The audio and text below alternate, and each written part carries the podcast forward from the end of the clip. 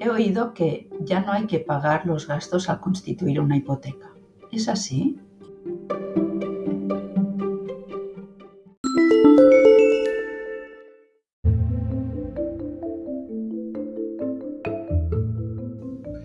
No exactamente.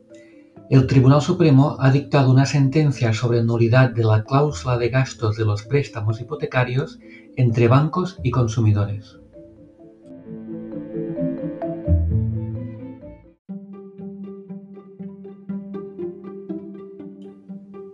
¿Y en la práctica? ¿Eso qué significa?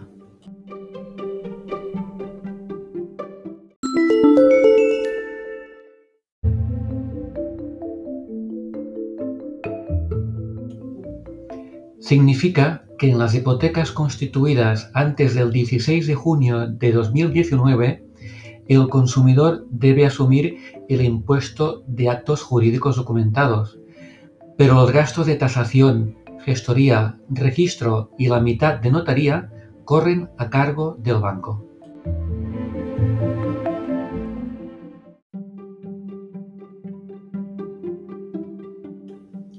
Y si he pagado estos gastos, ¿qué puedo hacer?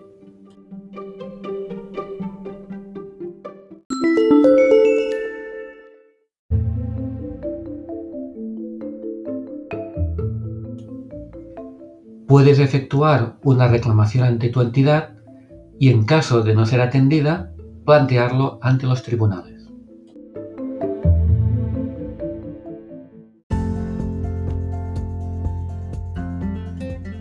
Si quieres más información, llama o envía un WhatsApp a Torres Advocats 667 321 222. Gracias.